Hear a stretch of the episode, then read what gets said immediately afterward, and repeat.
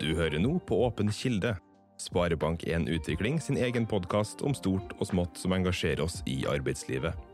I denne episoden får du servert en spennende samtale om produktledelse, når vår egen Thomas Nygaard tar imot Nils Brede Mo og Anders Haugeto.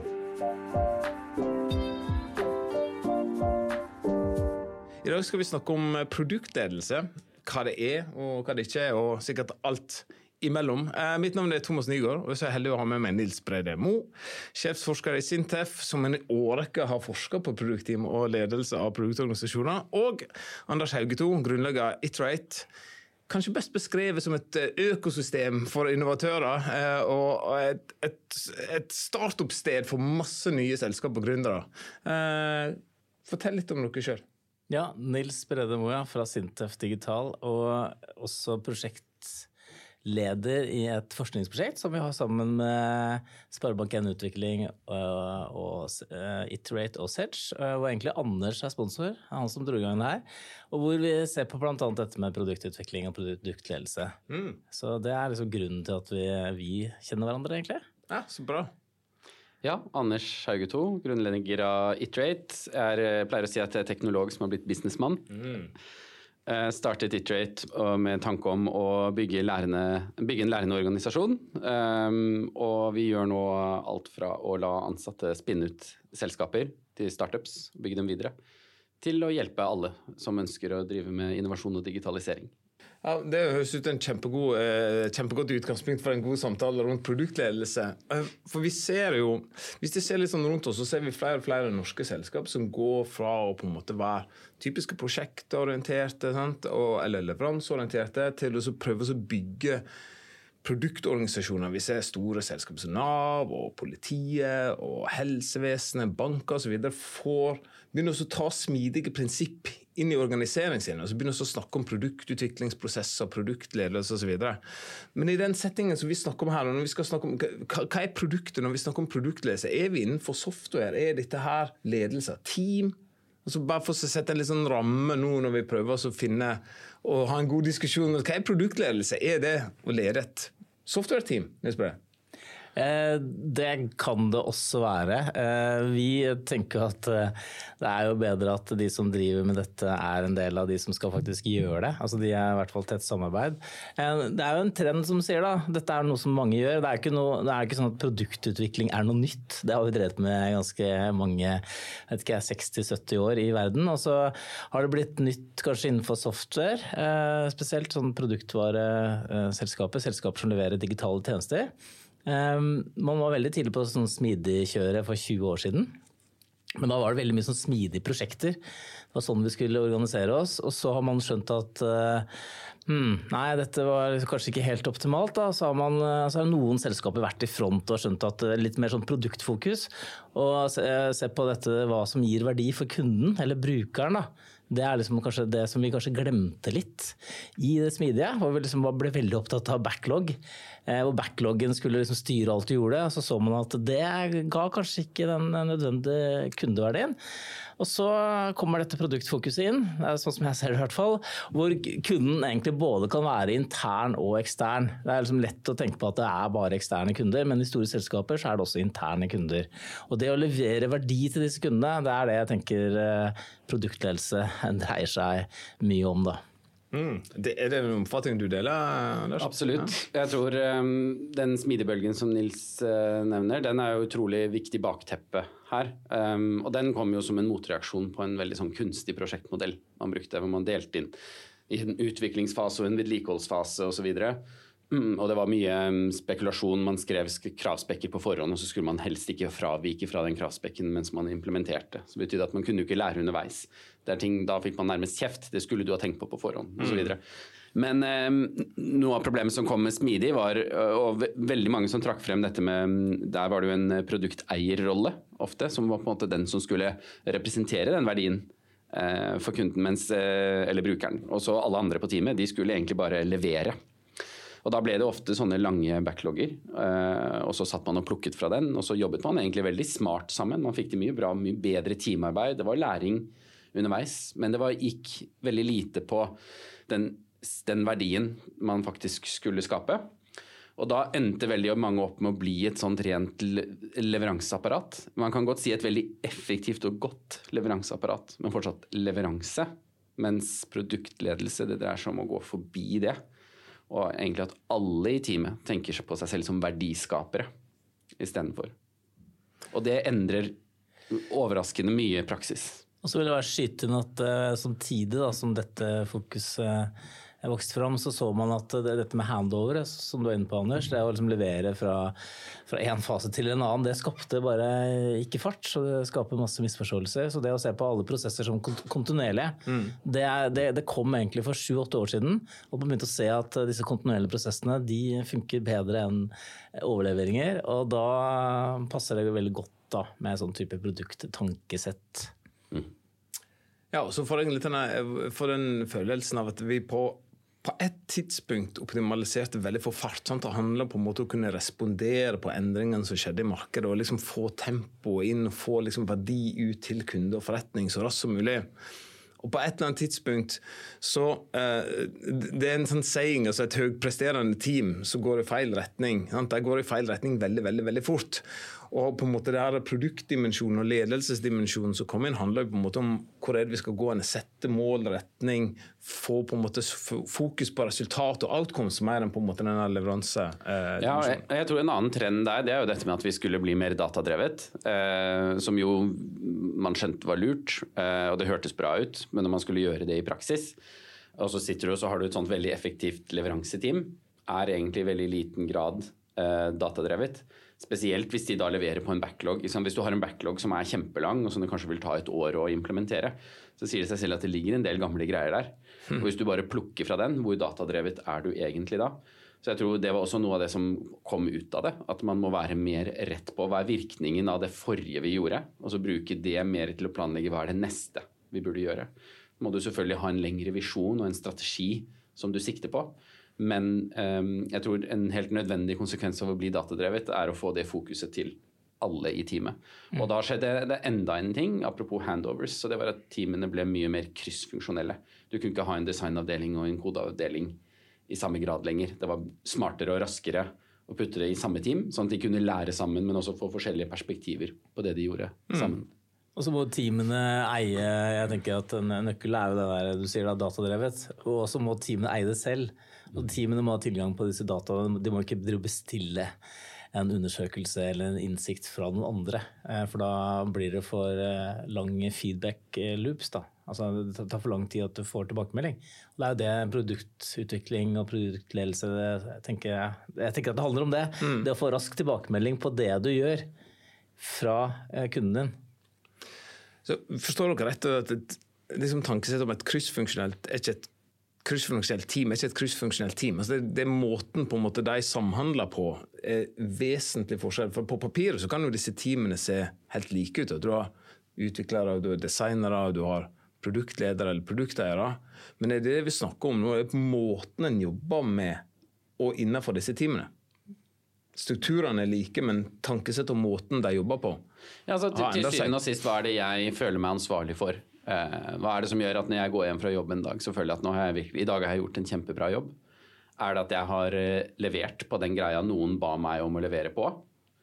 Eller er det at jeg har innført en endring eller en forbedring i et produkt som gjør at kunden og brukerne på den andre siden får en bedre hverdag? Mm. Eller blir mer lønnsomme, eller hva det nå måtte være.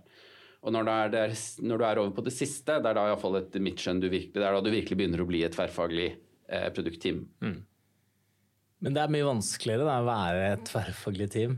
Det er litt undervurdert. Man tenker at vi bare putter uh, ulike folk med ulike bakgrunner sammen, og så, så, leverer de fantastisk. Sånn er det ikke. da. Uh, det er mye lettere å være et team med bare folk som er like deg selv. For du skjønner da hvor du skal uh, og liksom ha gode diskusjoner. Da. Så krever det mer, krever mye mer når du har folk med forskjellig bakgrunn. For det er masse lett å misforstå hverandre. Skjønner ikke helt hva, hva som driver folk, eller hvorfor de tar de beslutningene de gjør. og sånn. Så det, det, krever mer, da. Så, så, dette oppsettet er mer effektivt, men det krever en del mer av, eh, av organisasjonen og av teamene. Ja. Og ledelse. Ja, både internt og eksternt. Kan, en kan jo tenke seg at du er et tverrfaglig team som gjerne består av eh, utvikling, design, test og, og produkt. Forretningsfolk også? Ja, ja, ja sant, og så er det gjerne produkt, Vi skal jo komme litt inn på det, om det forretningsbiten er en del av produkt, eller om det er på en måte bare en del av det. Men det er jo fort gjort å tenke at ja, ja, klart vi trenger tverrfaglige roller, at, eh, men det er for at vi må designe noe først som kan utvikles, som kan testes og som kan leveres. Eh, at prosessen her for hvordan det her blir til, er jo på en måte det som kanskje kjennetegner styrken i et tverrfaglig team. At det, det, er ikke en lineær prosess mellom de tver, tverrgående funksjonene. Nei, det er, eh, det er en helt um, tilsynelatende veldig lite dokumenterbar prosess, vil jeg egentlig si. Altså, det er jo litt sånn cheesy å sitere Steve Jobs, men han har jo en veldig fin analogi på noen steiner eh, som jeg tror det er eh, steiner som ligger inni en pose. Og så er de i utgangspunktet veldig ruglete. Og så er det noe vann eller et eller annet som former dem over tid. Så 1000 år etterpå så er de helt glatte. Og som han sier, det er helt umulig å si hvilken stein gjorde hva. Eh, men det du ser, det er jo sluttresultatet mm. av det. Eh, og det er jo også noe med at det er kompleks problemløsning vi driver med. Og verden blir stadig mer kompleks også. Så jeg tror det er veldig få problemstillinger i dag. Eh, det er iallfall helt unntaksvis da, som et enkeltmenneske bare kan sette seg ned og naile. Men det er på en måte litt allikevel det vi ofte har som idealer. Man snakker om sånne Einstein eller sånne som bare har ja, satt seg ned og tenkt hardt og kommet med noe utrolig genialt uh, og lurt. Da. Men jeg tror veldig mye i dag må man være et team. Uh, man må være flere mennesker, for det er så abnormt mange perspektiver og ting å tenke på. Og det å lære sammen. Og det er da disse produktteamene blir så kraftfulle, da, eh, når man får det til å skje. Mm. Tid er viktig, da, og det er også viktig å skjønne at eh, en, altså produkt har en livssyklus. Det er noe annet å drive helt i starten med et, uh, ny idé versus kanskje på slutten, da, hvor du på en måte bare skal holde et produkt i live en liten stund til. Det er to forskjellige typer kontekster. og Hvis du ikke er bevisst det, og prøver å applisere den samme type fremgangsmåte uavhengig av hvor produktet ditt er, så, så, går det ikke spesielt bra. Nei. Og så er det kanskje litt av den kompleksiteten vi prøver å redusere bitte, bitte litt eh, i dag, særlig rundt det eh, produktledelseperspektivet. For når du ser på teamet, så sier du ok, utvikleren han skriver kode. Designeren designer, lager wireframes, mockup, sørger for at produktet gjør hva gjør produktlederen? På papiret så ser jo det ut som den minst nyttige rollen. Eh, hva gjør en produktleder? Hva er produktledelse? Du har forska på det her. Ja, eh, For det første så er det, finner vi, og det har vi funnet lenge, egentlig, at det er, ikke, det er, ikke, det er en del produktlederoppgaver. De, de vet vi litt om, jeg kan komme tilbake til det. Men det er ikke sånn at det er bare produktlederen som gjør det heller. Det er jo ofte lett å tenke at det er bare den personen, han eller hun, som gjør det. Det er det ikke. I praksis er det så, så I et produktteam så er det mange som bidrar inn på de viktige rollene. Men uh, det er noen ting som vi ser går igjen da, hos de som får det til. og det er at uh, De jobber både med strategi og uh, så jobber de med data for å forstå liksom, hvor eh, produktet er. Og så jobber de også veldig mye med teamet sitt. Altså, du kan ha en sånn genial idé som bare det, og du kan ha penger. Men hvis du ikke har de riktige folka, så hjelper det jo lite. Og så må du jobbe med, eh, med stakeholdere, interessenter i organisasjonen. Det er jo kjempeviktig. Eh, så du jobber liksom både langsiktig og kortsiktig, og så er du også nærme teamet ditt. Så det er en eh, veldig vanskelig, utfordrende oppgave, tenker jeg da. Ja. ja, så er det noe med å inspirere, men også utfordre teamet på hva er det egentlig vi prøver å få til, og hva er det vi sikter på, og hvordan er det vi skal tenke. Så jeg tror det er mye utdanning som pågår òg. Spesielt med team hvor kanskje en del av medlemmene ikke har jobbet så mye på denne måten før. Mm. Um, det er en sånn veldig uh, bra liten bok som heter uh, 'Outcomes over Output'.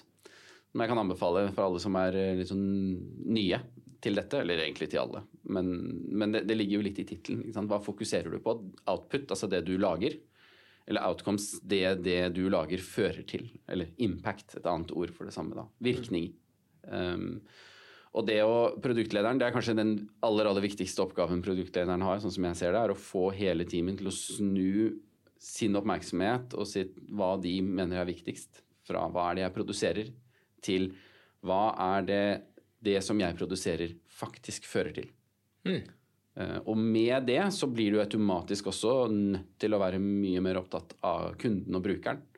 Um, som igjen gjør deg kreativ kanskje på et viktigere område enn liksom, skal jeg innføre et nytt tool eller en ny praksis, eller skal jeg finne en litt annen måte å gjøre mitt arbeid på? Og så heller være kreativ på hvem er egentlig den kunden, hva er viktig for dem? Eh, hvordan får vi dem til bedre lønnsomhet eller raskere vekst eller bedre hverdag, eller hva det nå måtte være. Jeg tror ikke at det er et veldig viktig poeng, da. det du tar opp der. Det er liksom hele nøkkelen. Og så må man eh, se på at det er forskjellige teknikker. Også å, du, dette handler jo om data. Altså få enten data fra produktet ditt, altså det kan være bruksdata, eller så er det intervjuer. Eller så er det observasjoner. Det å faktisk observere brukeren. Eh, ofte så forteller jo brukeren din eh, noe til deg, men det er ikke sikkert eh, det er det som skjer i praksis. Så da må man bruke et, eh, et sett av teknikker da, og være nysgjerrig. Mm. Ikke tro at du selv har rett. Det er kanskje det en felle mange går i. Gjør seg sjøl litt ukomfortabel, gjerne. Ja, det er usikkerhet det er ukomfortabelt, mm. Eh, men det er jo egentlig der eh, mulighetene ligger. Når du skjønner at det er usikkert. Så hvis du har, liksom, tåler det, så er det større sjanse for at du lykkes. Mm. Er det riktig å liksom ut fra dere plassere produktlederen i sånn biz-dev-dimensjon? Er det her en person som egentlig har en fot i, i, i, i teamet, godt forankra der, men samtidig evner på en måte å ha en fot ut i forretningssida og være en brolegger eller en oversetter eller en muliggjører? Altså, hva tenker dere om det? Det kommer litt an på hvilken kontekst. da. Jeg tenker at Kontekst er så viktig her, da, om det er stort selskap, lite selskap. Men det vi har sett på er jo at uh, dette er jo en person som skjønner begge sider. Uh, hvis man ikke skjønner den tekniske siden, eksempel, så blir man bare løpende rundt og sjekker status. For du skjønner ikke hva utviklerne spør om, og skjønner ikke forretningssiden. Så blir du heller ikke tatt seriøst. Uh, men det vi ser er at de, dette er jo folk med ofte stort nettverk og som er gode diplomater. Eh, hvor de på en måte er ute etter å finne løsninger. For det er jo ofte i en stor organisasjon i hvert fall, så er det sånn at det er veldig mange forskjellige typer eh, behov, eh, prioriteringer, som ofte er i konflikt. Og da er jo utrolig viktig at du som produktleder har evnen og muligheten til å manøvrere i dette. Da. Og se, se disse nettverkene som er der, og så bruke de Eh, og, så, skjønne at ting egentlig ikke skjer alltid i den formelle delen av organisasjonen. Da. Og det er ikke noe problem, eh, tenker jeg da. Det er bare at du må skjønne at eh, det, sånn, sånn, er det. Du må bruke din sosiale kapital, nettverket ditt. Mm. Ser du, eh, Anders, ser du det samme på i, i oppstartsdimensjonen eller i, i, mindre startups? Er det, er det samme mekanismene, samme ferdighetene, eller skiller det seg litt? Mm, ja, altså det, er, det, er mye av de samme, men jeg tror det Nils tar opp med nettverk og det å evne å være diplomat, f.eks., mm. det blir nok enda viktigere i større organisasjoner enn i en startup. Men jeg er litt sånn Jeg tror de aller fleste som kommer til å jobbe med produktledelse og gjøre store ting der, vil jobbe i, i større selskaper. Eh, men allikevel så er det alltid lurt, tror jeg, å se på hva startups gjør. Eh, det er både litt sånn frempek på hva som kanskje kommer, for veldig mye praksiser kommer fra startups i forhold til innovasjon iallfall, og, og, og utvikling. Um, og, så det er, no, det er, det ene, men også la seg inspirere litt av det. Fordi startups er ekstremt ansvarliggjort. De kan på en måte ikke gjøre noe annet enn det som til enhver tid gjør mening. De gjør selvfølgelig feil, de også, men de kan ikke lulle seg for mye bort i um, ja, feil type praksis, og uh, de kan ikke ta seg for lang tid mm. heller med det de gjør. Så det er veldig sunt eh, å være litt eksponert på startups. Og så er det veldig gøy å ta folk som har litt diplomatiske evner, som har startup-erfaring, inn i en stor organisasjon for å drive med produktledelse. Mm. Eh, og de blir veldig ofte endringsagenter på toppen hvis de lykkes, og de blir samlende. Um, og de visker ut, og dette er jo et, en av mine kjepphester, dette med forretningsside og utvikling, som mm. egentlig er også et sånt skille vi bør begynne å viske ut. Ehm, så egentlig bør vi, og det tror jeg er noe av det som må til for å virkelig få dette her til å levere fullt og helt på sitt potensial. Ehm, at den tverrfagligheten må være mer enn bare teamet. Ehm, fordi så lenge du har en forretningsside, så vil selv det beste produktteam fortsatt ha en viss element av en leveransefunksjon. Og det er jo det de ikke skal ha. De skal være opptatt igjen av bruker- og kundevirkning. Da. Jeg synes det er kjempespennende. og Litt av det som vi ser på team som lykkes ordentlig godt, så eh, ligner utviklerne på mer forretningsutviklere enn rene kodere. Vil si at en har på en måte bredt bredda ut den kognitive lasten bitte litt. Vi snakker jo ofte om å redusere kognitiv last, men for meg så handler det om å redusere for å gi, innpass på noe nytt. Sant? Og det å øke domenekunnskapen. Så når utviklere tar på en måte bli, for å forstå det forretningsmessige et eksempel på litt er at du kan få den dimensjonen som du er inne på, den tverrfagligheten. Mm. Når du forstår problemstillingen, og du er bedre i stand til å løse problemene. Og også bry deg om det forretningsmessige. Ja, ikke minst. Men blir det den derre eh, litt, litt, tilbake igjen til den derre den, den, forretnings- og utviklingsdimensjonen. Sant? For det er én ting på en måte å vite hva som er viktig for forretning. Det, det er jo en, en ferdighet og en, og en, kunnskap og, og en spes, eh, spesial, mm. uh, spesialitet i seg sjøl. Men er på en måte den produktdimensjonen handler det egentlig om å være i stand til å oversette hvordan du faktisk skal bygge det som gir den verdien. Det, sant? Mer enn på en måte det bare så videreformidle det som er viktig å oppnå av outcomes. Men det er liksom å kunne få liksom disse her resultatene, oversette det til noe som du faktisk tror kan være med å skape dem. Er det noe i den oversettelsesjobben som måtte betegne litt den herre det er ikke ren forretning, det er ikke ren utvikling, men det er noe mellom der som på en måte bridger disse to dimensjonene. Det er et nytt fagfelt, vil jeg si. Og, men, men, det er også noe med det, det kryssfunksjonelle, iallfall en erfaring vi har gjort oss i Iterate så vi ble jo kryssfunksjonelle som selskap for en del år siden, men startet jo opprinnelig med bare utviklere. Uh, og jeg tror noe av nøkkelen uh, Dette kan Nils mer om enn meg, men iallfall fra våre erfaringer. Da, det at uh, fagfolk går inn på hverandres territorium. At designere lærer seg litt front-end-koding. Eller at en teknolog begynner å bry seg litt om produktstrategi og forretningsmodell. Den typen ting. Man utdanner seg litt på de andre sine fagfelt, sånn at man i større grad overlapper hverandre. Det er ikke bare at man skal sitte side om side og ha god stemning. Eh, man må bry seg, men man må også få lov til det, uten at det blir territoriekrig, eller at, man føler, mm. at andre føler seg truet av det. Men når man inviterer til det og ser verdien av det og ser på det som at det er berikende, når alle gjør det, da er det helt utrolig hva det samme teamet, hvor mye fortere frem til gode resultater de kan få. Ofte ved å lage et mindre komplekst produkt også. Mm. Mm. Det er et veldig godt poeng. For å få til det, da, altså, Du kan jo sette sammen et kryssfunksjonelt team, alle gjør sine oppgaver. Da får du ikke den effekten. Og det som det krever, er at folk faktisk jobber sammen. De løser oppgavene sammen. Altså Designeren må løse oppgaven sammen med den som koder. Eh, og Det er sånn du får den, andre, den kunnskapen fra den andre personen i teamet. Og så må du være nysgjerrig på det, så klart. Men de må jobbe sammen, da, tenker jeg. Det er som en helt, og det får du jo til i en startup, som på en måte bare må levere. Så, så står alle på. Mens i noen produktteam, i sånne vanlige organisasjoner, større organisasjoner, så ser vi at det blir fort spesialisering. Man holder på med sin greie, og da får du ikke ut effekten av eh, teamet. da. Mm.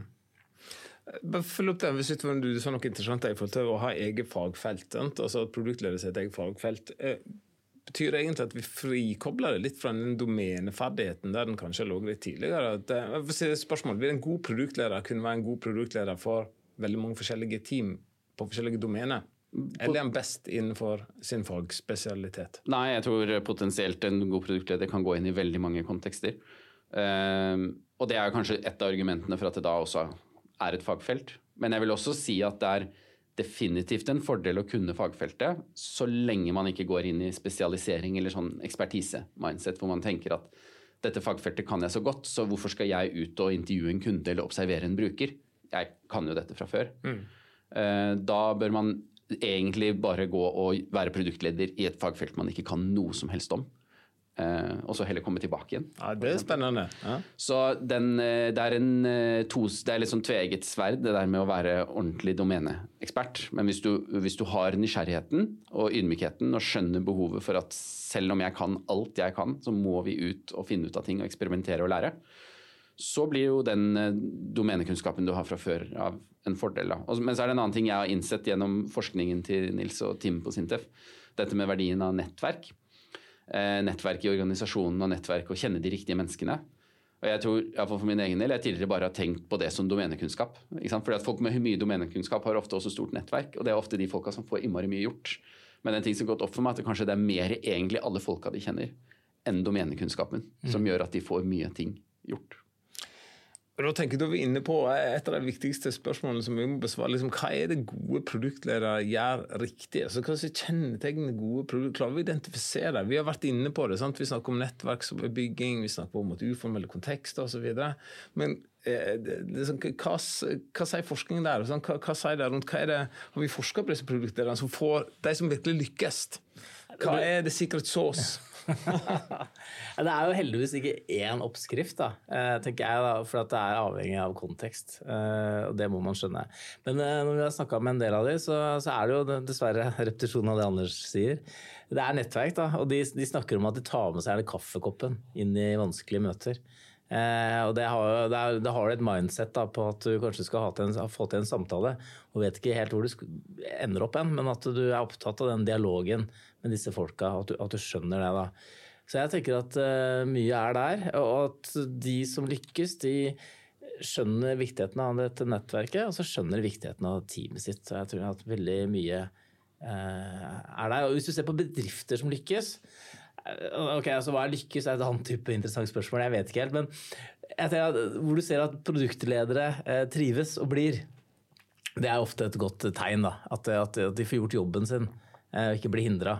Eh, da har i hvert fall bedriften lykkes eh, godt, tenker jeg. Mens hvor du ser at hvor de flykter, så, så er det ikke tilrettelagt for at de skal kunne gjøre jobben sin. og Da, da finner de på noe bedre å gjøre. og Det tror jeg er lurt. Jeg tror Du er inne på noe der med også det at du, du, tar et møte uten å nødvendigvis vite akkurat hva du vil ha ut av møtet. Um, den, det er jo egentlig et sånn problemløsnings-mindset. Uh, Uh, og jeg tror helt overordnet det er det en produktleder gjør med teamet sitt òg. Trener dem opp og utfordrer dem og motiverer dem til å se på seg selv mer som problemløsere mm. enn noen som bare skal inn og levere på et oppdrag. Um, og det høres jo det er jo så litt abstrakt, men, men, det går på å virkelig forstå hvorfor gjør vi de tingene vi gjør. Eh, hva må vi finne ut av? Og også tørre å eh, gå ut og gjøre ting man ikke har helt kontroll på. Eh, lære av det, gjøre feil, skifte retning, eh, prøve igjen. Alle disse tingene. Jeg har peka bort det litt ved andre anledninger, men, men sånn, hvis du sier at effekten som får ut av det, er nettverksbygging. Men, sånn, men, hva slags ferdigheter du tar med deg inn? Er det, sånn, det å være i stand til å bygge nettverk, er det, ferdig, er det, er det noen ferdigheter i disse personene som gjenkjenner? Liksom, er de dyktige på noen ting? Det er litt den her, Å være en god nettverksbygger, er du født sånn, eller er du blitt sånn? Jeg tror det er en kombinasjon. Eh, du, du, blir sånn gjennom å jobbe med andre. Det er veldig tydelig at de som sitter og jobber alene, ikke får nettverk. Og de som jobber sammen med mange, for nettverk. Og det å prøve seg på forskjellige oppgaver i organisasjonen er uh, kjempeviktig. Det er et veldig godt utgangspunkt. da. Men kan, uh, Og bedriften kan legge til rette for nettverking uh, hvis, de, hvis, de, setter pris på det. Så, så får du til. Hvis du, hvis du, på en måte ser ja, um, negativt på at folk bruker tid på sånt, så, og, og, du som leder sier at dette skal vi ikke prioritere, så gjør folk heller ikke det. da. Blitt sånn er sånn, jeg vet ikke, det er kombinasjon, da, men du må jo være interessert i mennesker. og Det er jo det man sier, de som lykkes som produktleder. at uh, Når vi spør dem hva er liksom den viktigste skillen, da, det er at, det at du er opptatt av folk. da. For det er der det skjer. Det er, og det er i relasjonene mellom mennesker det skjer. Og du kan ikke løse noe alene, selv om du, at, selv om du er kjempedyktig. Så altså, må du ha med deg et team, og du må ha med deg stakeholder, og du må få vist fram resultatene som, dere, som man leverer. Da. Ja, og Det egentlig kommer helt tilbake til hva er egentlig verdien av en kunnskapsbedrift som har alle disse menneskene. Mm. Um, og jeg, jeg, tror til syvende og sist, iallfall hvis det er en bedrift som skal et sted, da, som skal utvikle seg, og som ikke bare kan stå på stedet hvil og være lønnsomme i eh, all den tid, og det er vel egentlig ingen bedrifter som er der lenger, så er det jo nettopp disse relasjonene mellom alle menneskene. Eh, og de eksisterende nettverkene og den delte kunnskapen, delt know-how mellom hodene eh, til folk. Det er der verdien ligger. Og de gode produktlederne de navigerer jo i det og får fart på det. Snur dere nå egentlig bare hele bildet opp ned? for der, der, eh, der, vi snakker om produktledere og tenker liksom ja, det er folk som er sykt gode på et produkt. De er utrolig flinke på produkter. De kan alle beskaffenheter, de kan alle spesifikasjoner, de kan alle greiene. Snur vi den opp ned og sier at det er ikke det det handler om primært. Det det handler om er om mellommenneskelige relasjoner og ferdigheter osv. Så, videre. så er, det, er produktlederen leder før produkt, holdt jeg på å si? Eh, er det ledelse før produkt? Nei, altså produktlederen Det er jo utrolig viktig at hele teamet føler at de eh, står i bresjen for produktet sitt. Eh, så hvis det ender opp med at produktlederen er den som leder produktet, da er du tilbake til at du leverer. Da leverer du til produktlederen, da, hvis du er i teamet.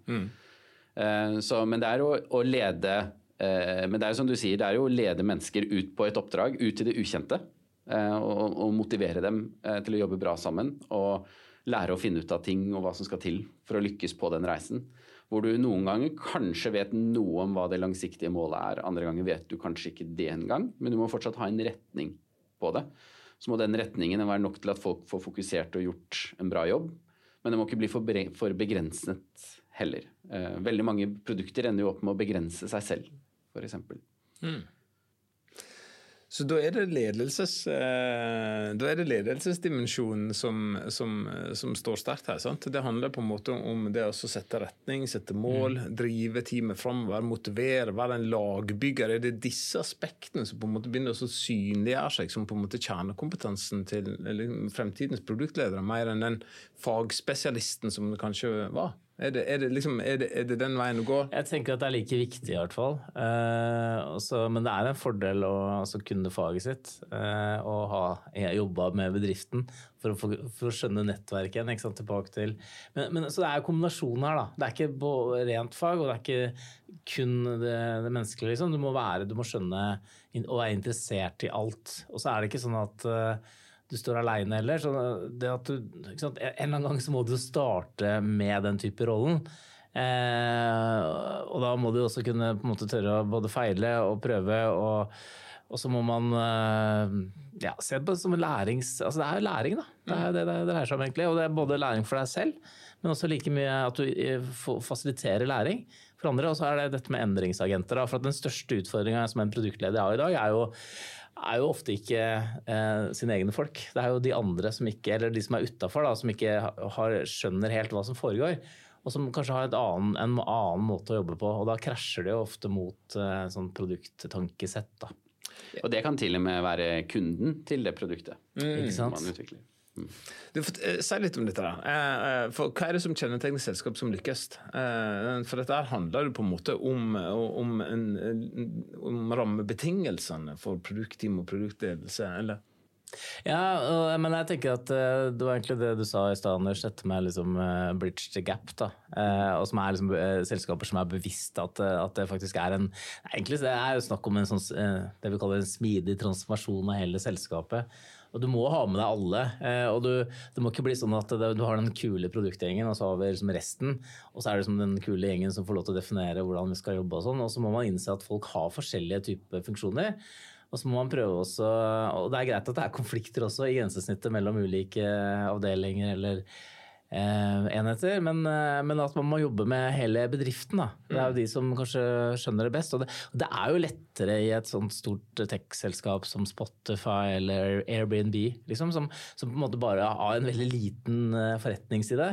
Eh, mens i en bank så er det mer krevende, fordi at det er flere større forskjellighet og flere fagområder. Og de er ofte litt sånn, kanskje litt konkurrerende og skjønner ikke helt hva de andre gjør. Eh, så her snakk, er det snakk om å få til eh, sånn transformasjon, da. Og da må ledelsen være involvert og forstå det.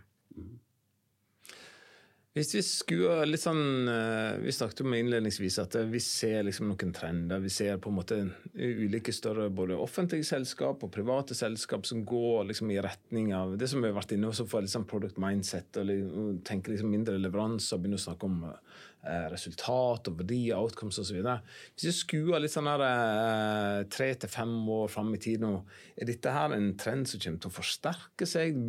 Kommer vi til å se noen andre typer organiseringer, eller hva ser dere framover? Eh, Ser dere en intensivisering på dette temaet, eller er det Ja, jeg tror dette kommer og det tvinger seg frem, fordi de som ikke gjør det, de kommer til å bli enda mer uh, akterutseilt. Uh, og verden står jo i akselererende endring uh, fra før, så det, det, det vil tvinge seg frem uh, gjennom ren seleksjon. Eh, bedre og smartere måter å jobbe på. Um, men det er også, jeg er jo optimist altså, av natur. Jeg, jeg tenker jo så det er mye snakk om AI, og vi skal liksom omtrent bli utslettet, eller eh, iallfall tilsidesatt. da. Fordi eh, AI-en, algoritmene blir smartere og smartere. Men jeg tror vi er ikke i nærheten av å ta ut potensialet i hvordan mennesker kan bli smartere og smartere. Eh, og, men, og, det kommer litt tilbake til dette med å jobbe sammen og, jobbe, og være mer tverrfaglig. At det er kompleks problemløsning. Det er ikke enkeltpersoner som løser de store problemene. Det er et team av mennesker med forskjellige bakgrunner som gjør det. Og Hvis vi får til dette her, og denne trenden fortsetter, så blir vi jo smartere og smartere. Eh, fordi vi fjerner barrierer for eh, læring og eh, det å sikte på noe og bygge noe som har verdi. Eh, vi utveksler mer perspektiver. Og jeg tror også vi blir mer ansvarliggjort og mindre institusjonalisert. Mm. Dette med ansvarliggjøring, eh, hvor eh, og Det ser vi er viktig for folk. da, eh, og Det tiltrekker seg dyktige folk. Det mm. At du har ansvar og får mulighet osv. Så videre, sånn at vi ser også at de miljøene som lykkes, de får også de beste folka. Så det her det, det, er, det, er, det vil også forsterke den trenden. da, Dette med hvordan kompetanse flyter mellom bedrifter. Det blir veldig spennende å følge med. For du, du føler det er bølger som, som rir rundt produktmindsettet. Eh, ja, det treffer akkurat nå. Det handler, om, det handler, både om at vi vet holdt på lenge med å studere autonomi og vet effekten av det. Og nå i tillegg så er det lettere å være datadrevet og jobbe mer mot kunden. Og så har det blitt en økt bevissthet rundt at uh, uh, ja, at, man skal levere noe som har effekt. Mm. Det er liksom, det er bare, man har liksom bare skjønt det. Så alt skjer samtidig, og er, derfor er det perfekt. Derfor skjer det nå, og derfor kommer det også til å fortsette å skje fremover. Men så er det viktig da, at man ikke tenker at det er én måte å gjøre det på. For det er så utrolig viktig med kontekst. Mm. Ja, jeg er enig. Det, Når blir dette her dogmatisk? For det kommer det til å bli. Ja. Og noen steder har det sikkert allerede blitt det. Vi så akkurat det samme med smidigbølgen. og Det var en sånn lang, uh, ubrukelig diskusjon om noe var proper scrum eller ikke uh, tilbake i tiden. Helt sidespor, irrelevant. Uh, man må la seg inspirere av hverandre og selvfølgelig prøve ut teknikker og praksiser og alt dette her. Men det er ikke der du ser det. Du ser det på effekten av det mm. som blir laget. Da. Mm. Og det går tilbake til hvordan vi tenker eh, og, og samhandler. Jeg tenker Det er et kjempeviktig poeng å få med seg. Det her er, ofte så blir du stående litt sånn i religiøse diskusjoner. At det finnes én måte å gjøre det på. Men erkjennelsen her er vel kanskje at det finnes ikke én perfekt måte. Men det finnes ulike varianter innenfor ulike kontekster som du jobber i. Å ta med seg det og så ta med seg det beste i disse situasjonene er kanskje en viktig lærepinne for en del organisasjoner som nå begynner å ønske å gå den retningen. Ja, Så tar det tid, da. Hvis du begynner å innføre en eh, sånn måte å tenke på, så tar det jo ikke, tar fort et år eller to. da. For du eh, mestrer det godt, liksom. Og hvis du har dårlig tid, så er det ikke noe særlig smart å gå i den retningen der, egentlig. Hvis du forventer effekt med en gang. Så du må ha et sånt litt langsiktig perspektiv på det, og, og være tålmodig. Og skjønne at dette dreier seg også om læring hos alle, egentlig. Er ikke resilience en sånn nøkkelferdighet hos eh, produktfolket generelt sett? Du må ha en viss uh, tålmodighet i Absolutt. Og jeg tror den der vanlige sånn eh, CV-hoppingen tre år hvert sted, f.eks., den duger ikke her. Dette er lengre reiser. Ja. Mm. Men den fine er at du også får vært med på å skapt kanskje mye mer enn du gjorde før. da. Ja, for hvis du, hvis du tenker på eh, Hvis du ser på eh, de som er Til tross for liksom sånn tvetydigheten i rollen, kanskje enkelte steder osv., så, videre, så er det her en rolle som har en ekstrem høy tilfredshet. De som er produktledere i dag, elsker jobben sin. Sant? Til tross for liksom det her kryss, kryssdimensjoner osv., så, så gir det dem så mye. Så jeg bare tenker for de som eh, enten ikke er skremt eller motivert osv. Hvordan begynner så har du lyst til å begynne å jobbe med produktutvikling og produktledelse særlig? Hvor starter du den i dag? Du kan starte hvor som helst. Ah, for, for at, sant, Så lenge du er et team som leverer et eller annet, så kan du begynne å ta på deg mer ansvar for å skjønne brukeren. da eller være med på diskusjoner, eh, involvere deg. ikke sant? Så det, det er ikke sånn at det er bare produktlederen som, som gjør ting. Alle gjør ting. Og du kan, alle kan, du kan bare starte der. Hvilket problem er det vi løser for folk? Hvis du begynner å stille de spørsmålene, så burde du mm. være inn i en karriere som produktleder. Da er du godt i gang. det er nydelig. Ok, uh, vi skal ta oss en runde litt opp. Men jeg har et par. Uh, uh, litt mer av den private sorten, som vi liker oss å spørre.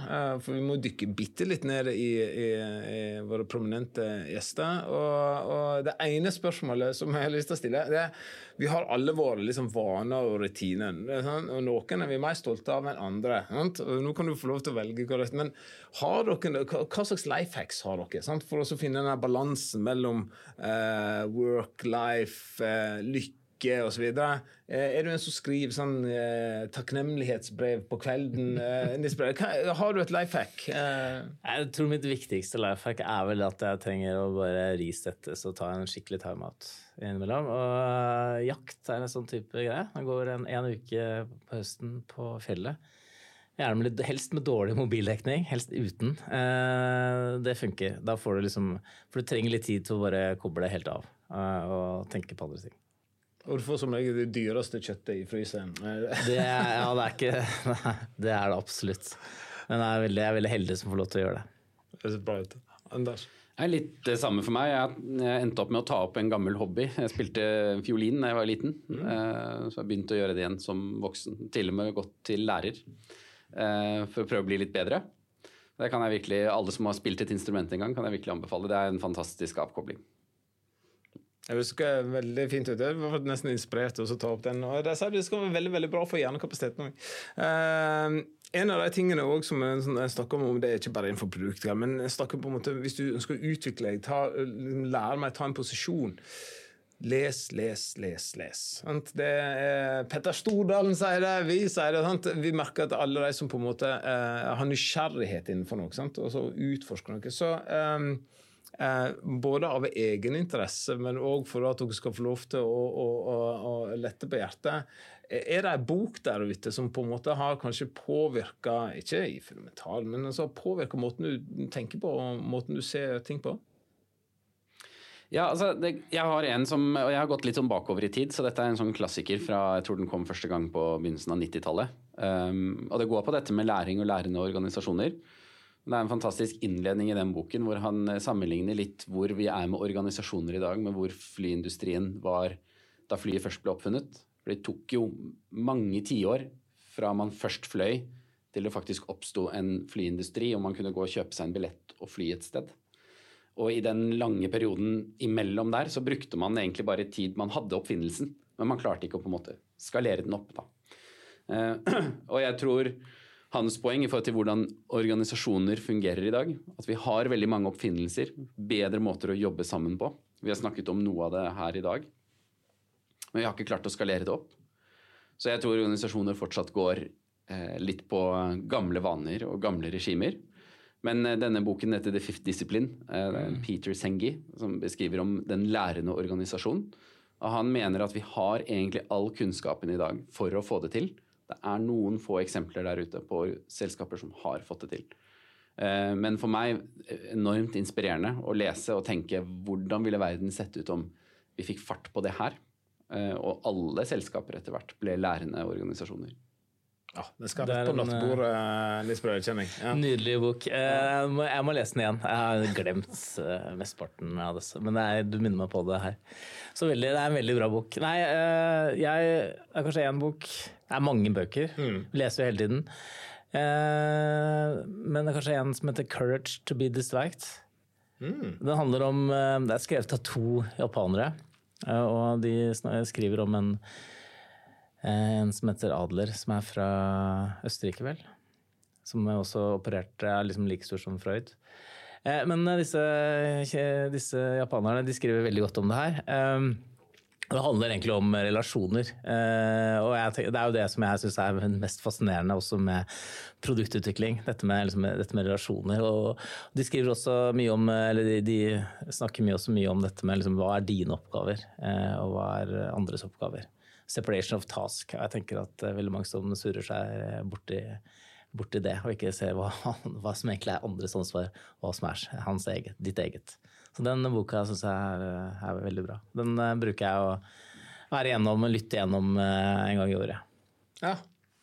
Ja, du, ja, det var et kjempegodt tips. Men, men, da har vi jo egentlig Nå må vi sule inn og, bli, eh, og, og gi oss for dagen. Men da har en på en måte fått med seg noen pointers på, på hva er det her perspektivet rundt produktledelse? Eh, hva er nøkkelferdighetene til, til, den rollen? Hva er du bør være god på? Hva er det på en måte du kan trene opp på? Hva du kan ha fokus på? Og ikke minst så kan du starte fra hvor som helst. Mm. Og når du i tillegg har fått med noen life hacks som å gå på jakt og ta en liten tid for seg sjøl og et par bøker på veien, så tenker jeg at eh, ja, da, eh, da går vi lysere tider i møte. Tusen takk for at dere var med for å snakke litt om produktledelse. Takk for at vi fikk komme. Veldig gøy. Takk. Du har nå hørt en episode av Åpen kilde. Du finner flere episoder på din foretrukne podkastplattform. Du kan lese mer om Sparebank1 Utvikling på sparebank1.dev.